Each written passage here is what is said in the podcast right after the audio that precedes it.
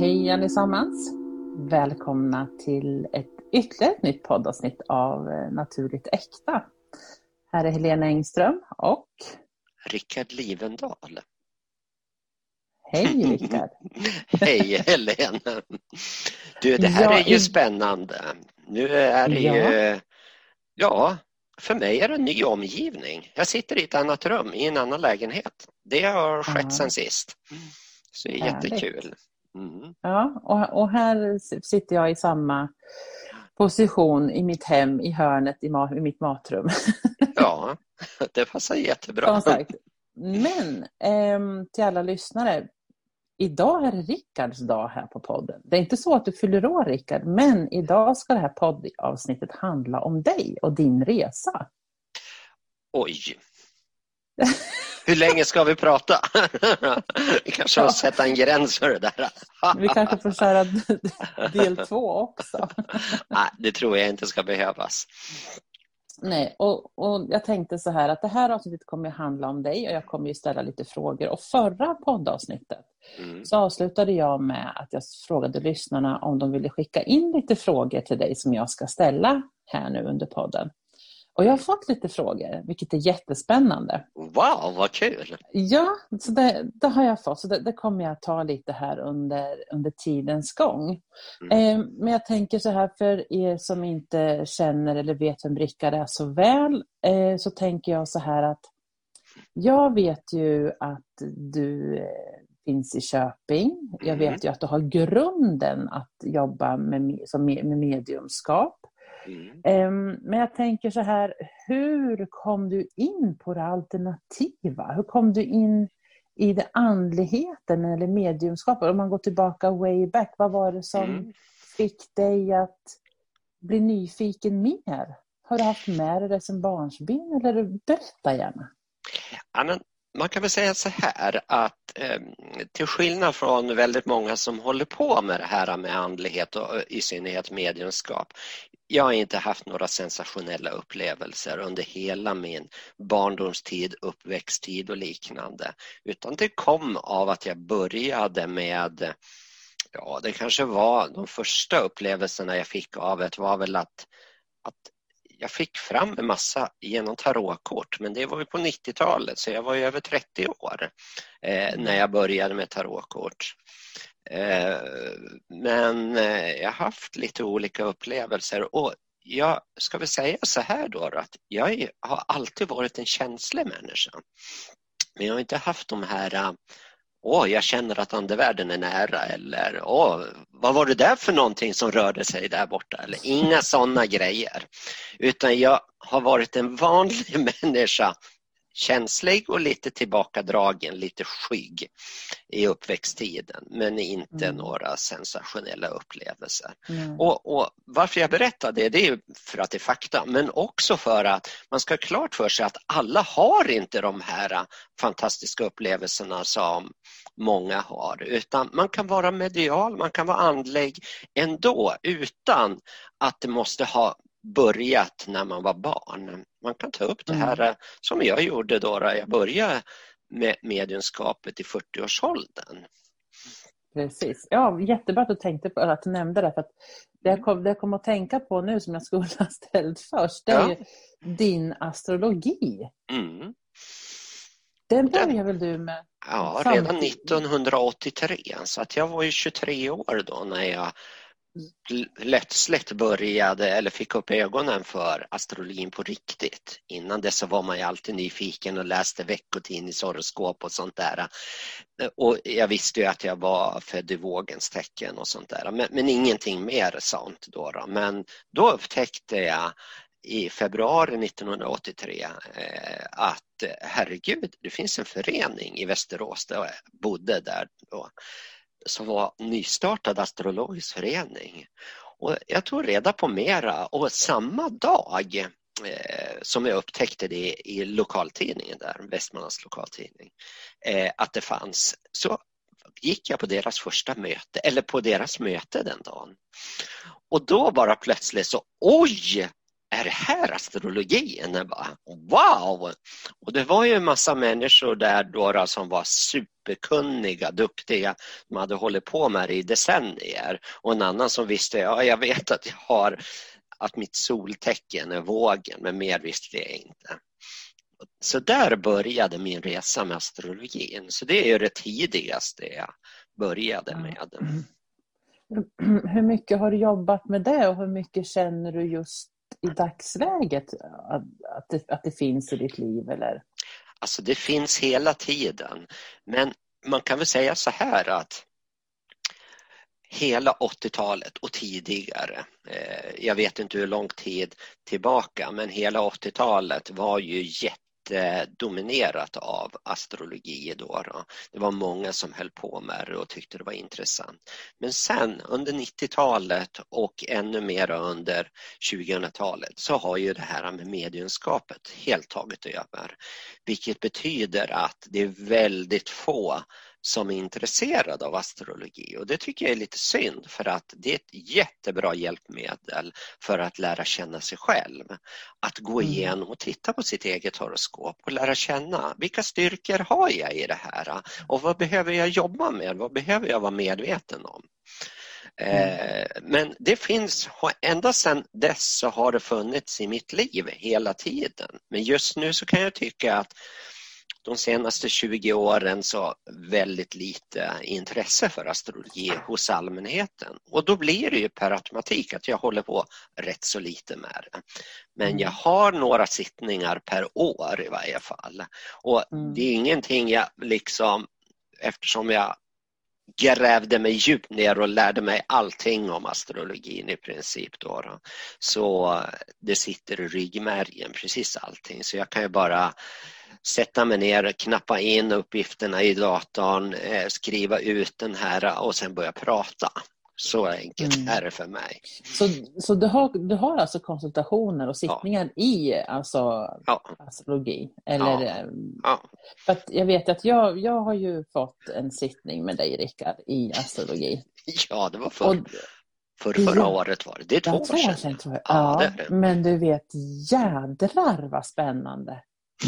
Otroligt spännande. Ja, men alltså, mm. Just det här med hur planeterna ligger, hur stjärnorna låg när man föddes, vad som ligger mm. i olika mm, Ja, men du beskrev, jag har kvar det här diagrammet så jag tänkte ta med ja. det till dig någon gång igen. Ja, absolut. Nej, men så att, så att jag, jag, tänker så här, ni som lyssnar och är mm. intresserade, eh, kontakta Rickard för du är otroligt duktig. Du är Tack. otroligt duktig så att ni som lyssnar, kontakta Rickard och alltså boka en sittning eller konsultation med honom för att det är, det är riktigt fascinerande. Och det här finns i stjärnorna när vi alla föds och det är det som är, det är liksom inget mediumskap så, utan det här är liksom Ja, det är skithäftigt tycker jag i alla fall. Det tycker det jag också. jag säger så hoppas jag. Ja, absolut.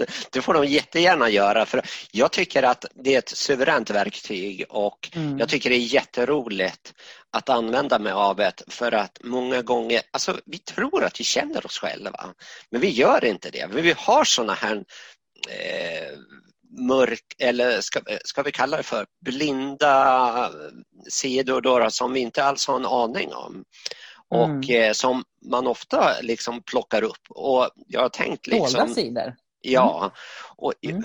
verkligen. Och jag har tänkt att eh, när jag fått förfrågan kan du ställa ett horoskop för mig då, då, som är 70 år eller 80 år har jag till och med haft den här.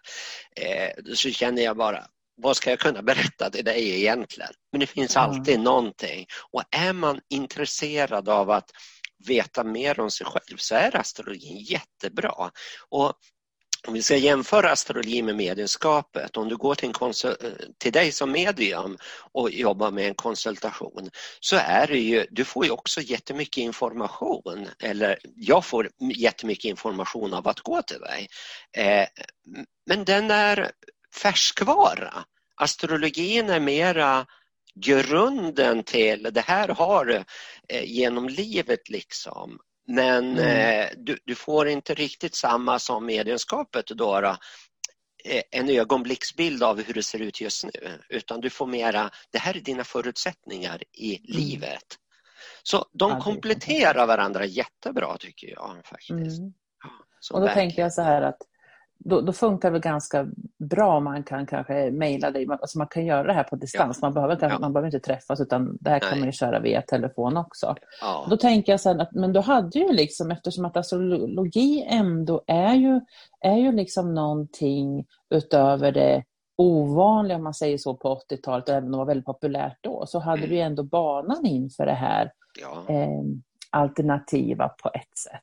Ja, det började med astrologin och jag var ju som sagt bara 23 år. Så visst, ja. eh, det var det ju. Men, men jag förknippar, eh, ja, nu kan man förknippa det mesta sånt här med andlighet. Men jag förknippar det mera med personlig utveckling eftersom ja, det var absolut. väldigt mycket kopplat till det, tycker mm. jag. Då, då. Men visst, och sen, sen är det ju astrologi och numerologi och sådana saker det är ju, du räknar ju ut saker. Du, du ställer ett horoskop och sen får du liksom, det är fakta, det är inte någonting du tonar in dig på som medienskapet. Utan mm. jag använder ju min medialitet för att tona in mig på vilka saker ska jag lyfta fram i horoskopet? För det finns ju, man skulle kunna prata en hel dag om ett enda horoskop med alla detaljerna. Men det blir inte hållbart för gemene man att lyssna på alla detaljerna för då, då blir det så väldigt svårt att greppa det. Mm. Mm. Så, ja, jättespännande. Som sagt, är du intresserad mm. av att få ditt horoskop så kontakta Rickard. Big time, jag rekommenderar honom varmt. Så är det. Jättebra, tack. Så det, det, det, är din dag idag, Rickard. Ja, men tack. Som sagt. Och, och sen så tänker ja. jag så här, när du har kommit in på det här med mediumskapen och det här eh, mer sensitiva och det mediala. Mm. Men du har, ju haft, du har ju haft, om man säger inom citattecken, vanliga jobb utöver det här. Ja, ja. Hur, hur har hur har det mottagits då att vara liksom, har du pratat om det på dina jobb eller med dem runt omkring dig? Hur har det varit att vara, om man säger man, i den här, att kunna berätta om de här sakerna? Hur har, hur har du upplevt det? Mm. Alltså, det, jag har ju haft tur. Ehm, det är klart att det finns ju alltid skeptiker och sånt där men, men jag har haft tur att människor har Antingen var, har de varit intresserade. Ibland kan de ju skratta åt det eh, och säga att Rickard, du, du skulle kunna förutsätta att det här med corona skulle inträffat liksom och sånt där mm. Adora för att du är medial och den typen av kommentarer liksom skulle mm. kunna vara. Men jag har haft turen att kunna eh, liksom få människor att lyssna på det här. Både mm. när jag jobbade på ABB för tre år sedan eh, så kunde jag prata om det här med mediumskapet. När jag fyllde 50 till exempel, eh, då, då vart jag ju uppvaktad på jobbet och det var en riktigt häftig upplevelse för min dåvarande chef började berätta om mig. Ja, ni känner ju Rickard genom jobbet, så här är ju han. Men här ska ni få höra lite nya grejer. Han är medium och han håller på med qigong, han håller på med healing och, och det ena med det andra och folk bara liksom bara gapade och undrade vad, vad var frågan och, och, vi hade jättekul. Jag minns det fortfarande än idag, tio år senare, att gud vad roligt det var med den där uppvaktningen för vi kunde skoja om det där på ett bra sätt. Eh, men samtidigt så fanns det mycket allvar i det hela och folk var väldigt intresserade. Tog upp det här efteråt och diskuterade de här sakerna. Vi kunde till och med diskutera det vid fikabordet så att jag har haft förmånen att kunna prata om det här. Fast jag är man, det ska ju sägas att det inte är jättemånga män som håller på med det mediala. Mm. Och också för att jag jobbar inom teknikindustrin där liksom alla är ju man mäter allting. Ja, det går ju inte att mäta mediumskap Nej, men å andra sidan så tänker jag energi. Alltså det är ja, energi ja. vi pratar om och energi mm. förstörs ju aldrig. Den nej, omvandlas nej, nej. ju hela tiden. Men så den kunskapen liksom... hade inte jag då. att vi pratar om energier på det viset. Som idag precis. när vi pratar om energier i kvantfysiken. Precis. Mm. Um, spännande. Mm. Jättespännande. Och du har, du har ju liksom hållit på um, med reiki healing och du har haft utbildningar i reiki. Har du haft några Mm. utbildningar i astrologi eller någonting sånt? Ja, det har jag faktiskt haft. När jag började med medienskapet eh, då 2001 så efter ett tag så blev de ju medvetna då, mina lärare, att eh, ja men Rickard håller ju på med astrologi. Och eh, så jag fick ju eh, Ja, de tyckte jag skulle använda mig av det där. Det hade inte jag gjort tidigare. Jag hade jag väl liksom bara tolkat för mig själv och lärt mig saker och ting och sen diskuterat med mina vänner men liksom inte gjort några egentliga horoskop och sånt där tolkningar. Så då började jag tolka horoskop och sen vart ju folk jätteintresserade. Så då åkte jag till Karlstad till systerföreningen där och körde utbildningar eh, några vänder och det var riktigt roligt faktiskt. För det var ju människor då som själva hade valt att det här tycker jag är intressant att lära mig mer om. Så det har jag gjort. Sen har jag kört lite föreläsningar om astrologi både här i Köping och sen i Örebro till exempel och sånt. Det har jag gjort. Men utbildningarna det är framförallt i, i Karlstad då, då som jag körde. Mm. Ja, spännande. Som sagt, Mm. låter det här jätteintressant för ni som lyssnar? För jag tycker det här låter jätteintressant och det är precis som att jag vill börja imorgon. Så är det så att ni är intresserade så har jag lokal och eftersom att vi måste vara restriktioner så kanske det blir en liten grupp. Men hör av er Ja. så kanske vi kan fixa någonting Rickard, eller? Det tycker jag absolut, det vore jätteroligt. Jag vet att det Spännande. finns många som är intresserade här i, i Köping faktiskt av astrologi men vi har aldrig kommit till skott riktigt med det här men, Nej. men det vore jätteroligt faktiskt då att göra någonting inom astrologin också. Absolut, och min lokal, det, det kan Mm. man följa alla restriktioner som finns nu också där, Mm. när man är rätt mängd personer. Så att det vore ju fantastiskt roligt. Jättekul. Det- Alltså, du har ju en fantastisk erfarenhet, verkligen. Ja, det har ju blivit det med åren och jag tänkte när jag började med det här äh, vid 23 års ålder så tänkte jag men hur ska jag kunna, jag som inte har någon livserfarenhet alls, kunna hjälpa människor? Men Mm. redan, alltså de första åren när jag lärde mig alla detaljerna, så herregud, eh, det handlar egentligen om att förstå symbolikerna bakom allt det här. Mm. Och sen, sen kommer livserfarenheten för att kunna sätta mera kött på benen om man säger så. Men, men jättemycket redan från början var fascinerande. Mm. Härligt. Jag tänkte jag skulle ta och stoppa Mm. in en liten fråga Mm. här. Ja, spännande. Eh, ja, från ehm, er lyssnare.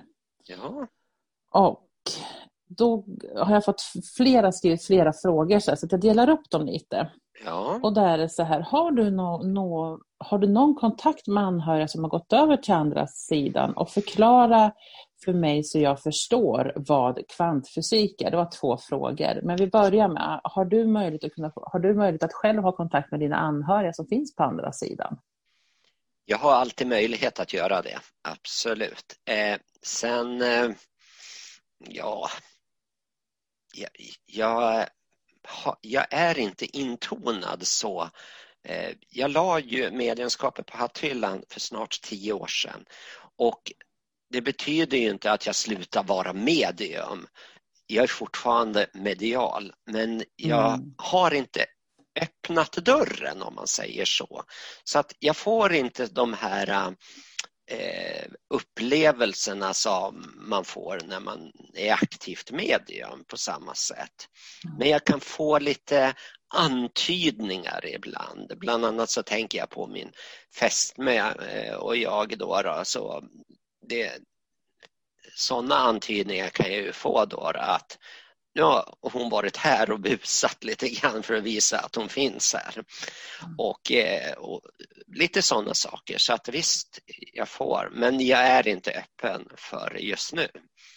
Den dagen Nej, jag öppnar mig för då kommer jag säkert att kunna få det här mycket mera. Men jag har Ja, ingen jag- behov av det just nu.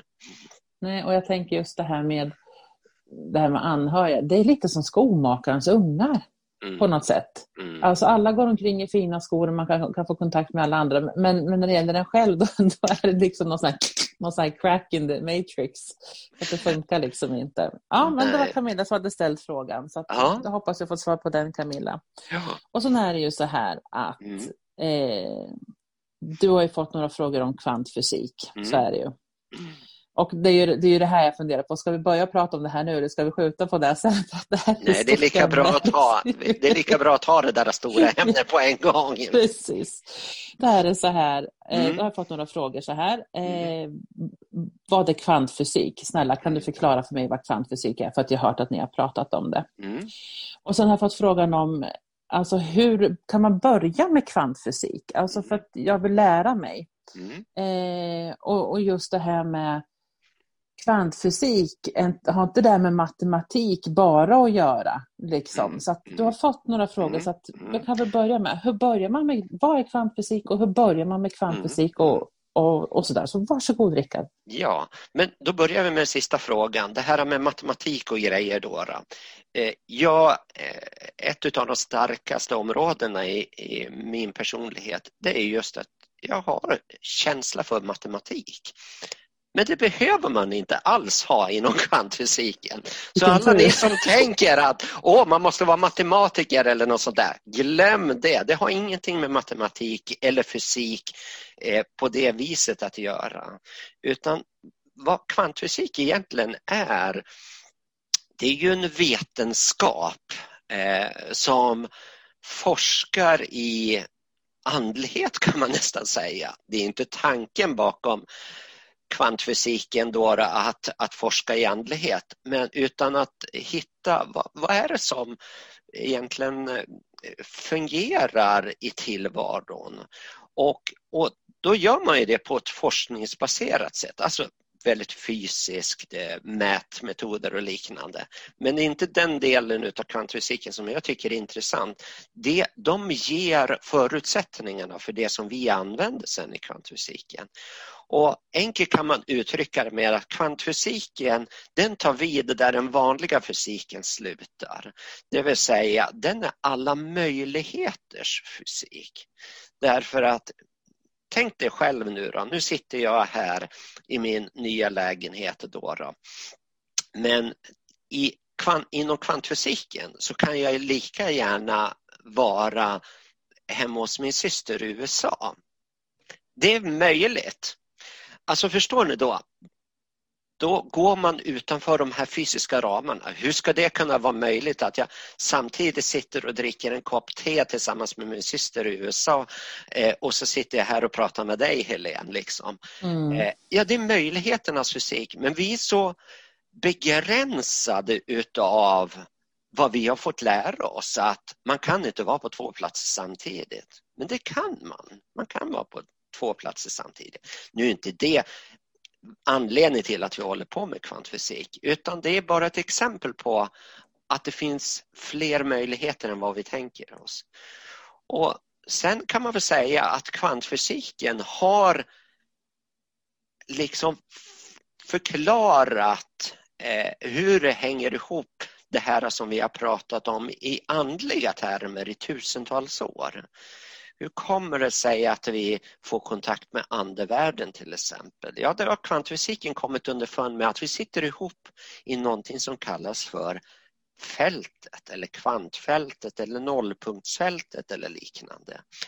Och, eh, och Det betyder att vi egentligen har kontakt med våra nära och kära genom de här, eh, det här som finns i hela universum. Eh, Med det här fältet. Och man kan ta som exempel, jag är musiker också och jag tänkte vi ska prata om det eh, också sen. Men, men när jag sätter mig ner och ska göra någon musik till exempel, då, kan jag, då, då är det ju precis som, ja, jag komponerar musik och sen är det min musik, det är jag som har gjort den. Men var kommer inspirationen till musiken ifrån? Ja, det är inte från mig själv, jag är bara en kanal, precis som mediumskapet. Det finns i det här fältet som omger oss överallt. Och alla är vi en del av fältet, alla är vi uppkopplade mot det. Så när jag sitter och komponerar någonting då, så finns det som en idé i fältet och det är öppet för alla som lyssnar på den frekvensen. Så alla som är musiker som har en fallenhet för att göra en viss speciell musik, meditationsmusik till exempel, de kommer få inspiration till att skapa därför att det finns i fältet. Och sen gör man det på sitt personliga vis. För det blir ändå min egen tolkning av de här signalerna, precis som i mediumskap. Min tolkning mm. av kontakten och sånt där.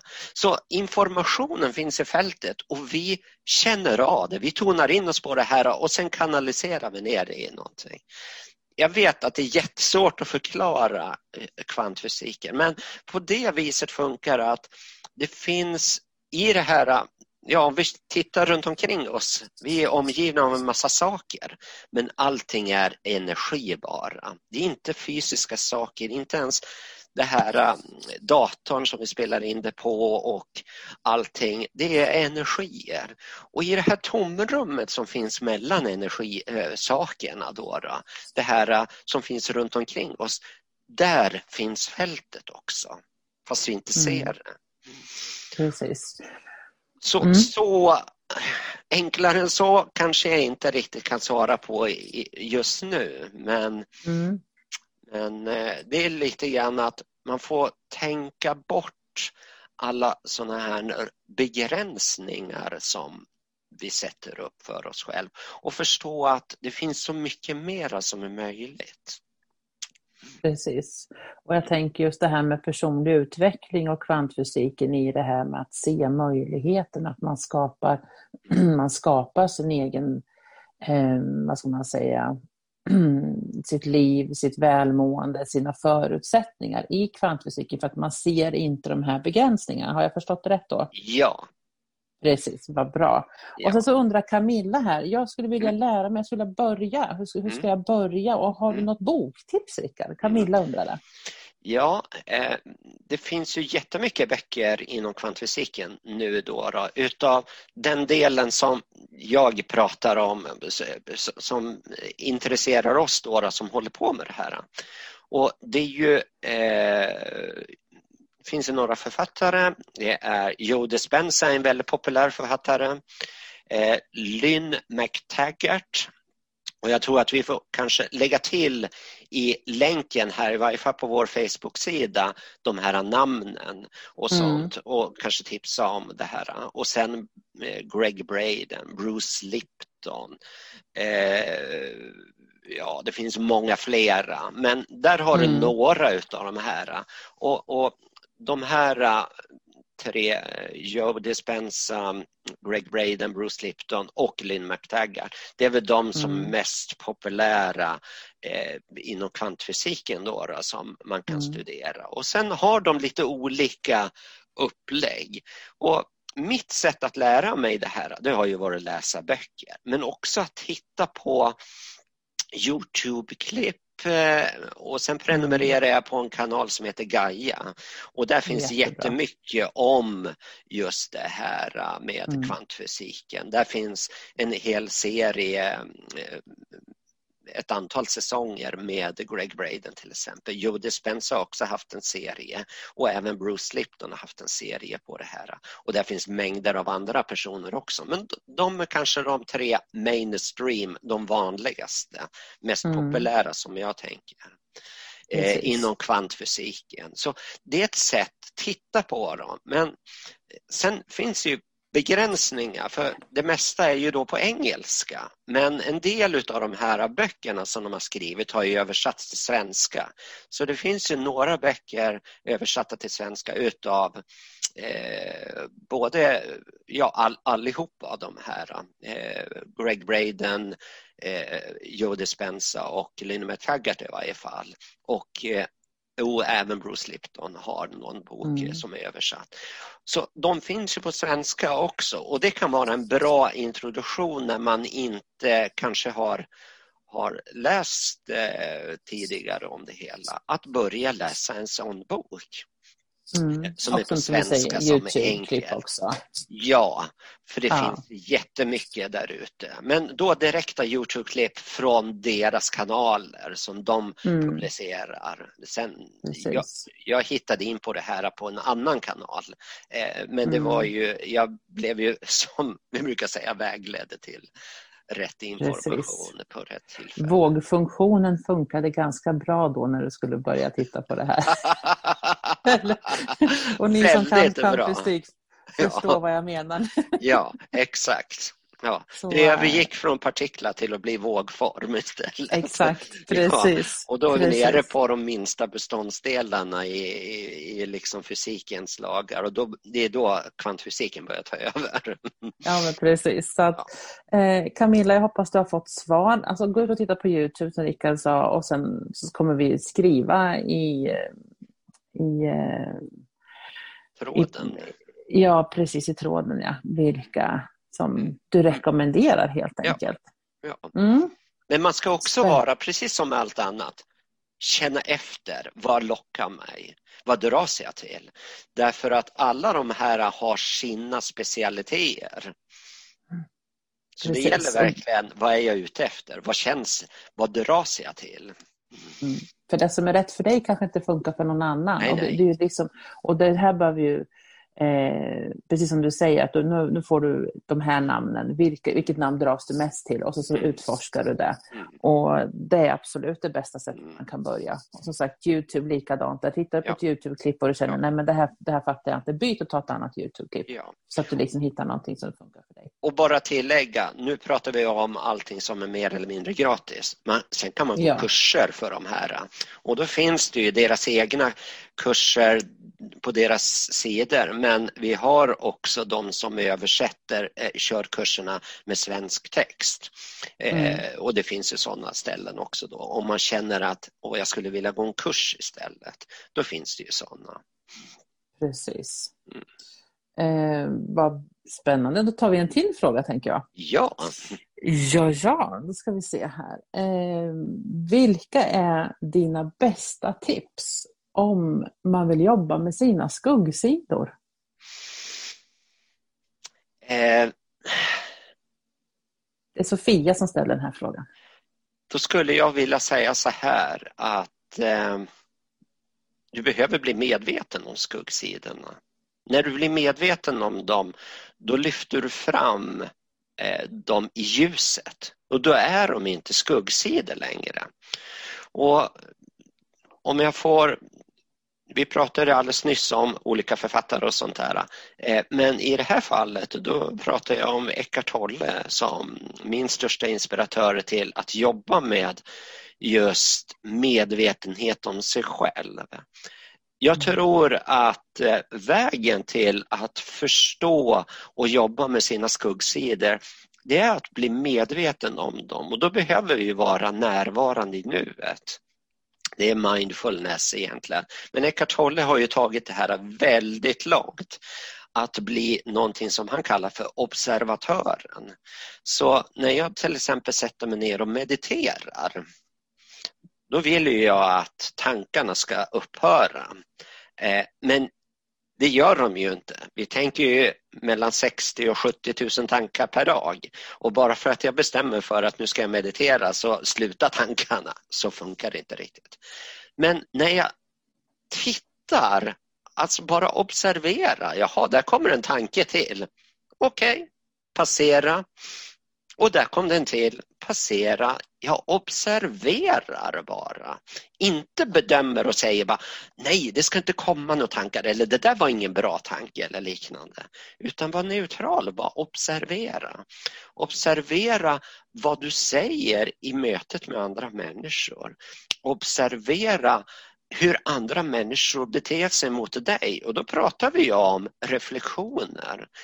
Det, vi har väldigt svårt att se våra egna skuggsidor. Därför är möten med andra människor jätteviktiga för att bli medveten om sina skuggsidor. För de signaler som jag sänder ut, de eh, reflekteras eller mm. projiceras från andra tillbaka till mig. Och det är för att jag ska bli medveten om att mm. här har jag någonting att jobba med. Så tycker du att det finns jobbiga människor i ditt liv, Egentligen så borde du säga då, och jag älskar mina jobbiga människor eh, i mitt liv för de ger mig kunskap som jag inte har tillgång till därför mm. att de reflekterar mina skuggsidor. Så egentligen det allra bästa sättet det är ju att försöka bli den här observatören som inte fuckar in saker, som inte analyserar på det viset att man ska säga om det är bra eller dåligt utan som, där man är neutral. Men sen också att möta så mycket människor som möjligt och framförallt att möta människor som är besvärliga som jag själv tycker är besvärligt då mm. jobbar du med dina skuggsidor skulle jag säga. Och Då kommer de i ljuset och då blir de som troll, de försvinner eller förstenas. Och, mm. eh, och då, då kan de inte påverka dig längre. Så medvetenhet. Mm. Bra. Och då, tänkte, då, får, då får du en liten följdfråga om mig. Mm. Eh, skuggsidor då till exempel, om du möter en person som, som jag upplever, jag upplever att den här personen eh, inte lyssnar på mig, inte ser mig, inte hör mig, den här tycker illa om mig, fast inte har en dialog. Mm. Vad, om, jag, om jag känner som väldigt många personer, hur är, är det jag själv då som har de här eh, dömandet eller är det att jag själv har den insikten eller omedveten tanke om mig själv? Eller hur, hur, hur ska jag göra då? Om jag liksom bara möter sådana människor? Ja, alltså det finns ju flera aspekter kopplade till det här. Om du till exempel, Anita Moriani brukar prata om empater eller empaths eh, på engelska. Då, då. Och är man, är man en empat, det är inte jättemånga som är det, 2% av hela mänskligheten brukar man säga. Men är man en sån, då kan man känna in på samma sätt som vi gör i medlemskapet. Men man förkroppsligar det om en människa har smärta inom sig själv, då känner jag den som empat. Jag känner den också i min egen kropp. Och Det kan vara ett, en av orsakerna till att vi är så himla känsliga och mottagliga för det där när vi är empater. Så att vi förkroppsligar det som andra sänder ut. Och det behöver inte alls ha med oss att göra. Det kan mycket väl ha med dem att göra. Men vi upplever det som att ja, det är jag som känner det här, det är jag som upplever det. Så det är ett svar, men det är inte så jättevanligt att, att vi är Jag tänker på skuggsidor. Ja. Skuggsidor tänker jag. Mm. Ja, och, och, och jag menar det vanligaste anledningen till att, att eh, vi upplever på det viset som du säger, det är ju just för att de presenterar någonting som vi inte känner till om oss själva. Det är inte så att vi liksom stäng, har stängt av eller något sånt där utan eh, vi är, hur ska jag uttrycka det, eh, vi är öppna för att ta emot eh, det här när vi ser det hos andra människor att de här människorna de svarar mig inte eh, men jag känner att de har eh, massa åsikter om mig, de gillar inte mig och sånt där. Då är det en reflektion av någonting som finns inom oss själva som vi inte har släppt upp, som vi inte har gjort eh, till vår egen eh, ska vi säga, till en egen sak som vi behöver titta på. Och det kan ju vara att vi tillåter oss inte att vara trygga i oss själva och känna att vi duger precis som vi är. För den dagen mm. vi gör det, när vi bara säger att Åh, det är fantastiskt att vara Rickard Livendal. Det är helt underbart. Och visst, det är en del människor som tycker jag är jättejobbig liksom och så. Mm. Men jag, det bryr jag mig inte om. Inte på det viset. Det är deras tolkning utav mig. Men jag mm. njuter av att vara den jag är. Och när jag gör det, då, då blir de här problemen mycket mindre. Därför att det finns ingen anledning då för mig att liksom eh, se det här hos andra. För jag har redan observerat att jag är som jag är och, och jag kan vara själv eh, avståndstagande gentemot vissa människor. Då speglar det sig i att andra människor också tar avstånd ifrån mig. Men det är för att jag sänder ut en sån energi. Mm, jättebra. För att, ja, precis. För när du har jobbat med, med skuggsidor, det kommer alltid upp nya saker. Men. Men precis som du säger, när jag möter så mycket människor på olika mm. sätt och jag stör mig inte på dem, eller det mm. finns ingenting som irriterar mig, Nej. Nej, men då, har jag, då har jag jobbat ganska mycket med det. Men om jag mm. dagligen möter människor som tittar på mig på fel sätt, eller oh, där tycker inte om mig, eller gud, nu sa jag något. Alltså, då har man ju ganska, då har man den här kokongen inombords. Liksom. Så det är jättebra ja. att du säger det, att ja. det, när man omfamnar det och då mår man bättre och helt plötsligt så blir världen ganska vacker oavsett vad som sker i världen. Ja. Eller hur? Ja, precis så är det. precis så är det. För att jag menar skönheten kommer inifrån. Upplevelsen ja. av skönhet kommer inifrån.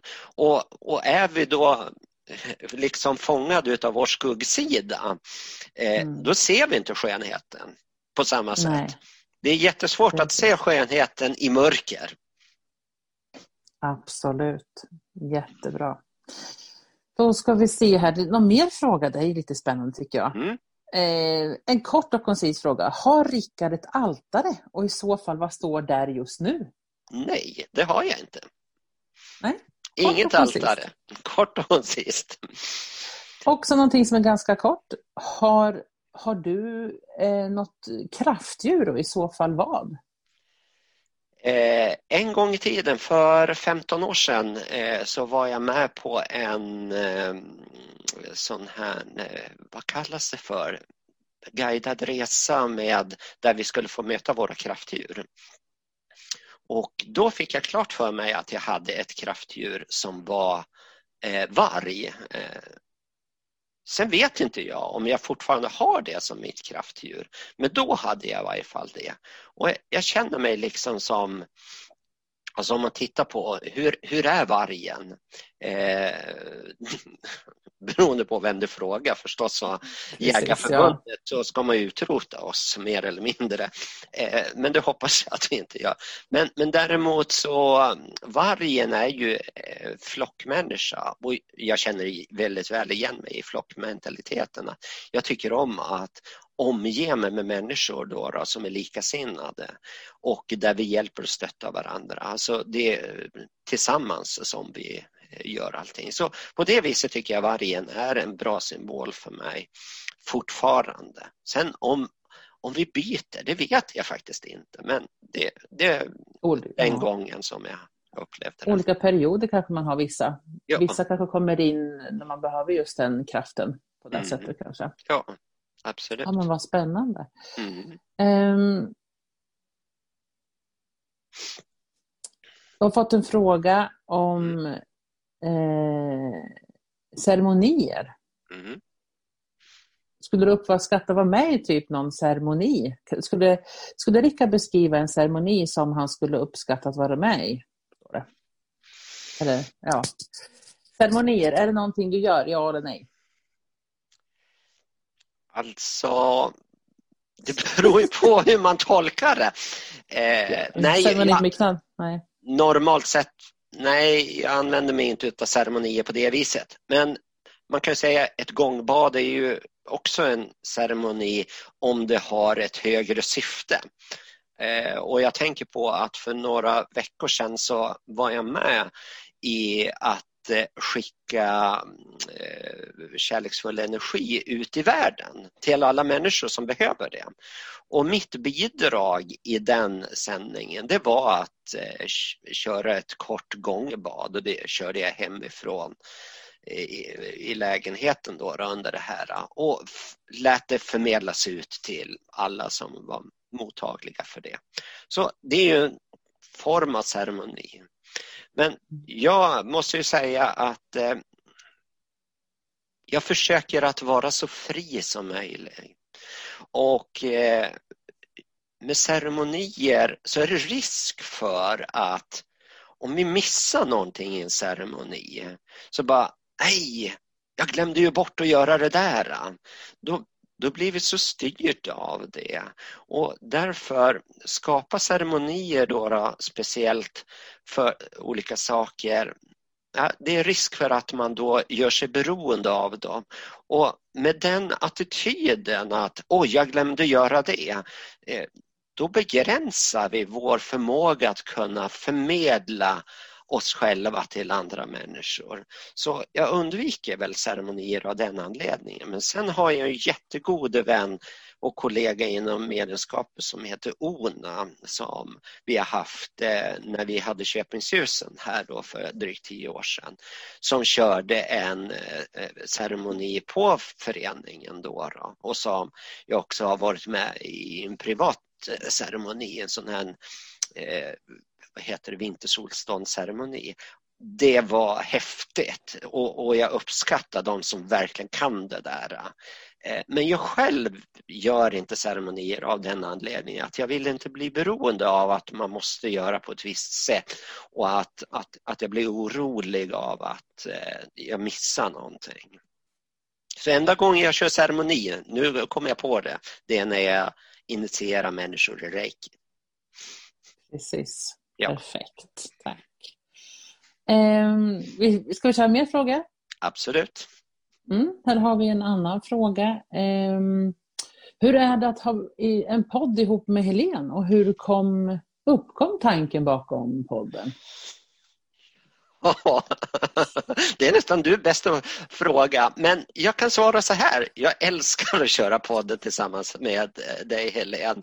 Och det är liksom, jag ser fram emot varje gång vi ska sätta oss ner och, köra den här podden. Och även fast vi nu kör den online istället för att vi träffades hemma hos mig och spelade in det med mikrofoner och allt möjligt sånt där. Alltså, jag tycker det är jättekul. Och anledningen till att vi drog igång den här podden, det finns två sidor.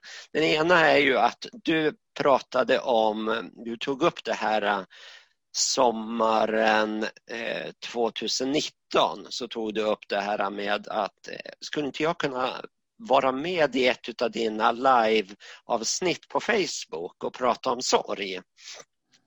Och då sa jag att jo, det skulle jag jättegärna vilja eh, göra. Men jag har sagt till min systers barn och ja, hela familjen där då, att, att innan året är slut så ska jag börja att göra en podd. Och då vaknade den idén.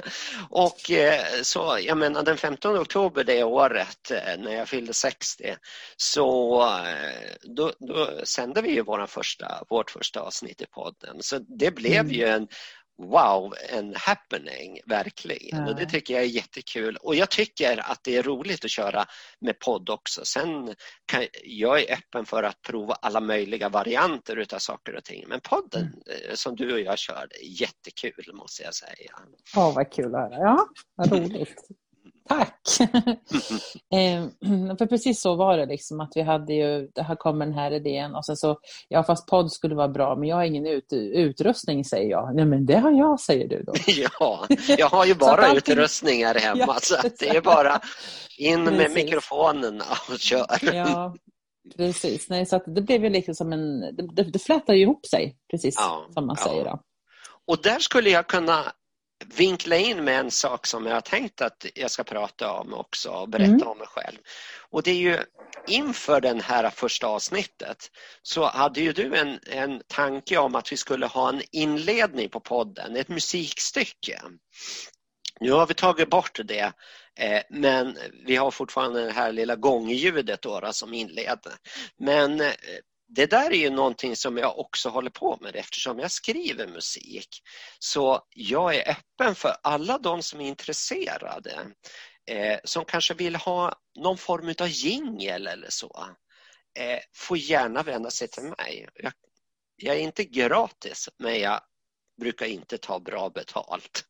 Eh, och det skulle vara väldigt roligt att få göra lite mera utav den varianten faktiskt. Att göra någon, någonting, eh, sådana saker. Då. Jag har fått förfrågan om det ett par gånger att göra det. Men och, hittills och är det tänk... bara det som du och jag har gjort till podden. Precis.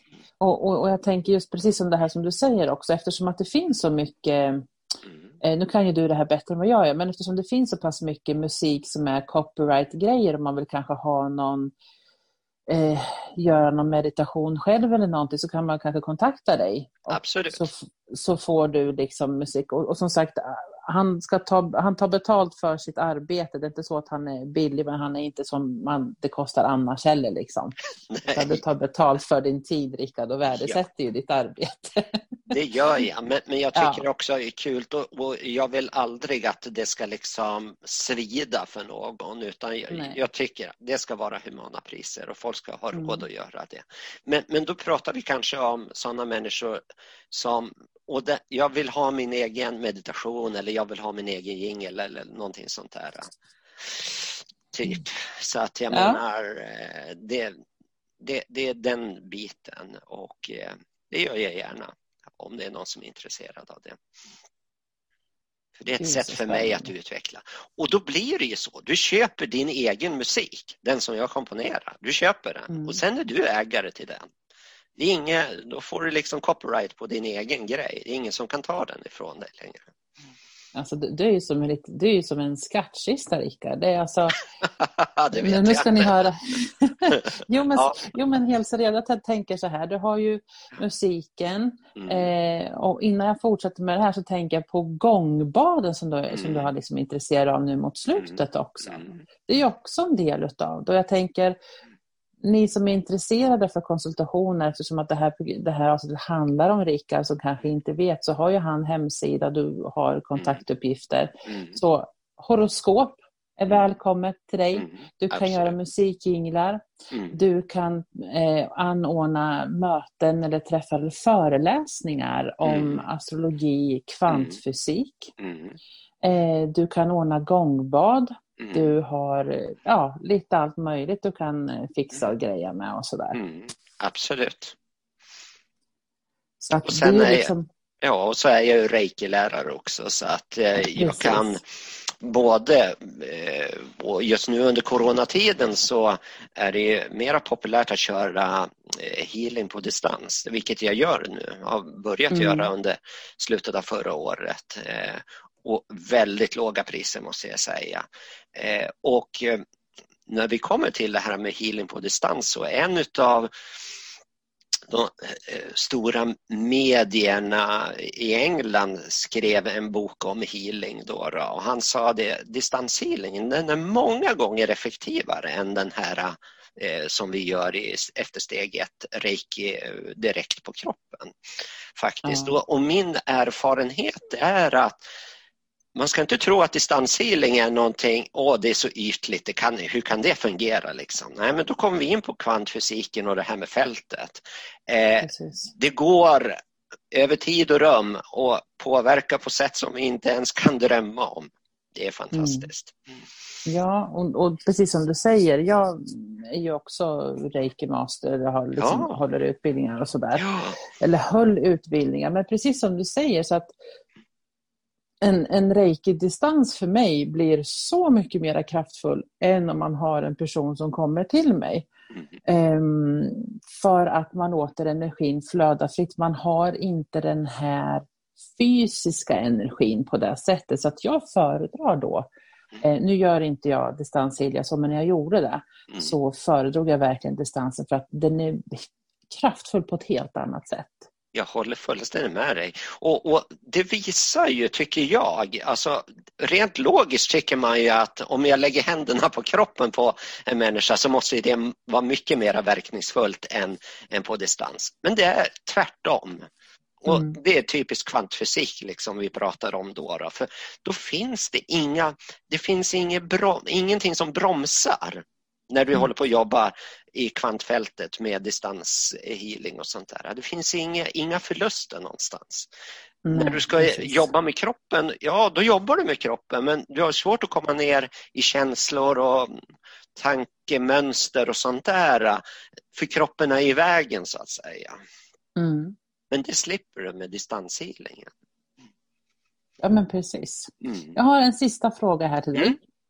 Eh, finns det någon sport eller någon, någon fysisk aktivitet som du eh, utövar eller föredrar eller någonting sånt?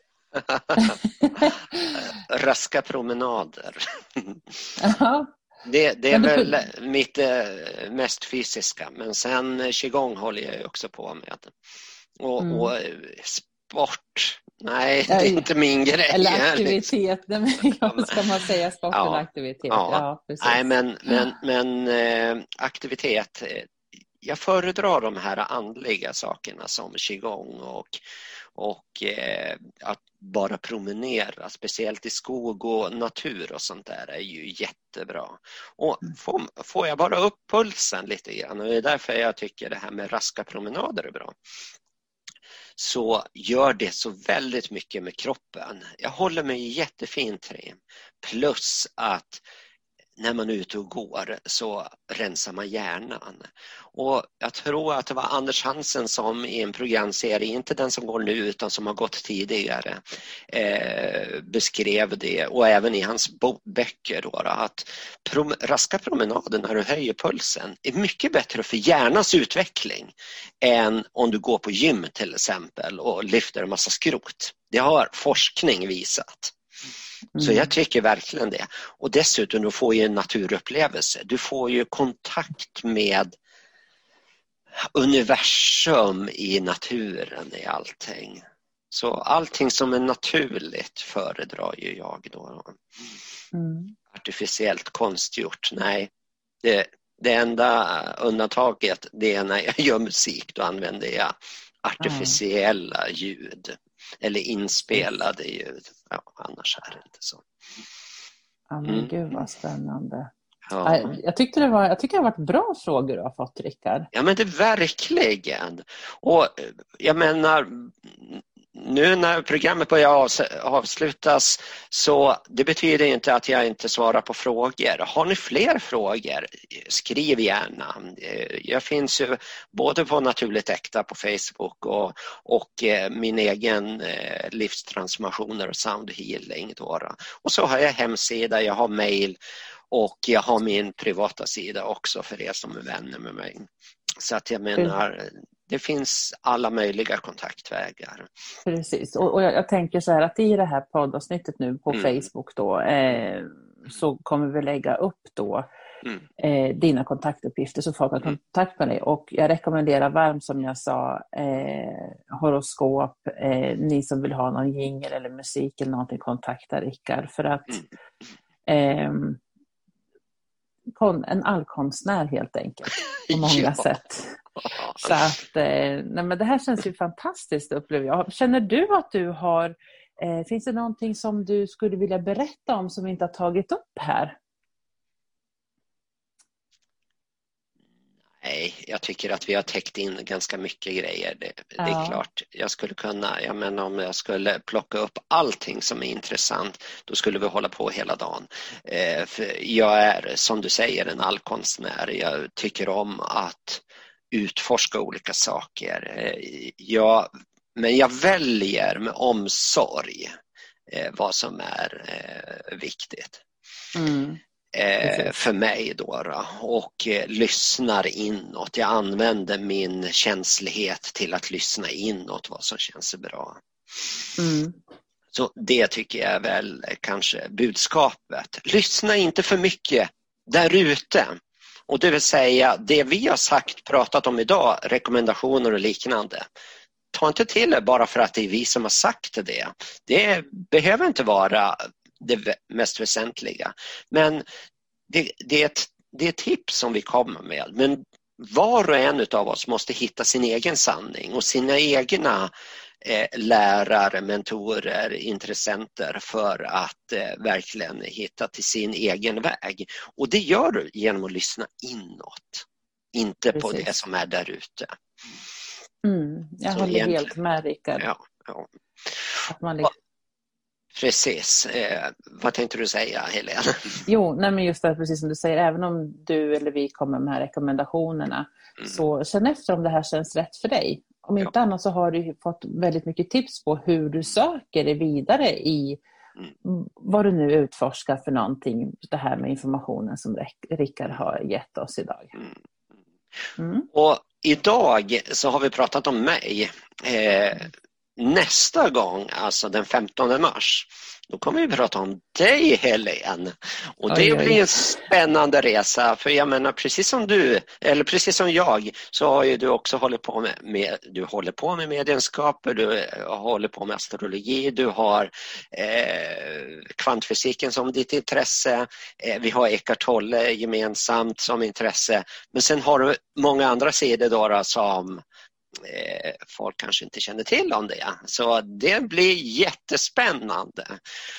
Och då tycker mm. jag att precis som ni har gjort med eh, inför det här avsnittet, skriv gärna till mig.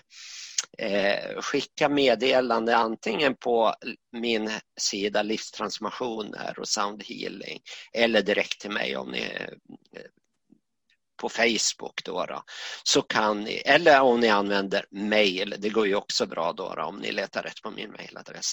Så skriv gärna vad ni har för frågor om Helen så ska jag förmedla det.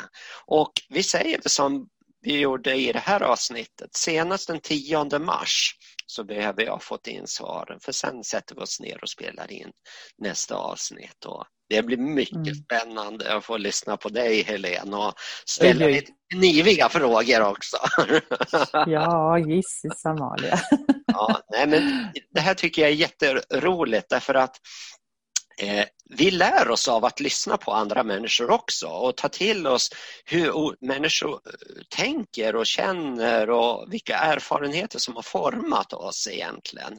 Det är inte ja. så ofta vi sätter oss in i det utan ofta är det att vi reagerar på någonting som kommer precis nu. Och det, det kan ju vara bara en, ett tweet eh, som, som är kopplat till någonting helt annat än vad vi tänker oss. Och plockar du ut det där tweetet så Ja, det kan ju låta hur konstigt som helst men i sitt mm. rätta sammanhang så kan man liksom få förståelse för.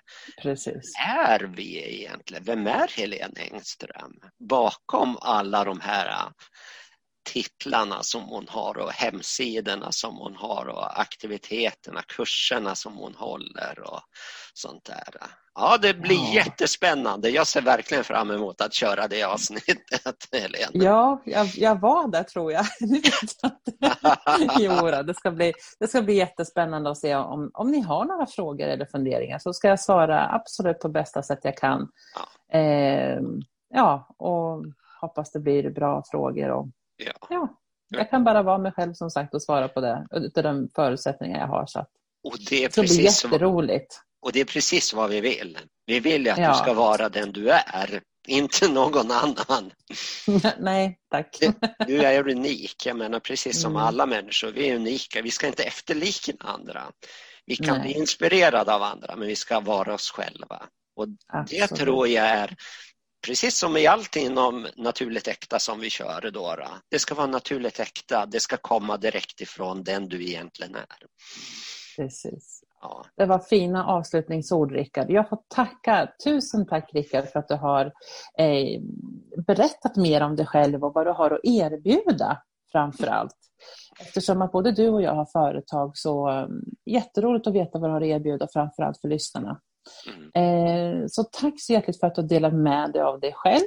Mm, och eh, tack för denna gång och så ses ja. vi vid nästa tillfälle. Ja, och tack för en jättebra eh, vägledning i det här programmet. Det var jättekul faktiskt. Tack. Så tack. Ha det gott. Ja, detsamma. Hej så länge. Hej då. Hej då.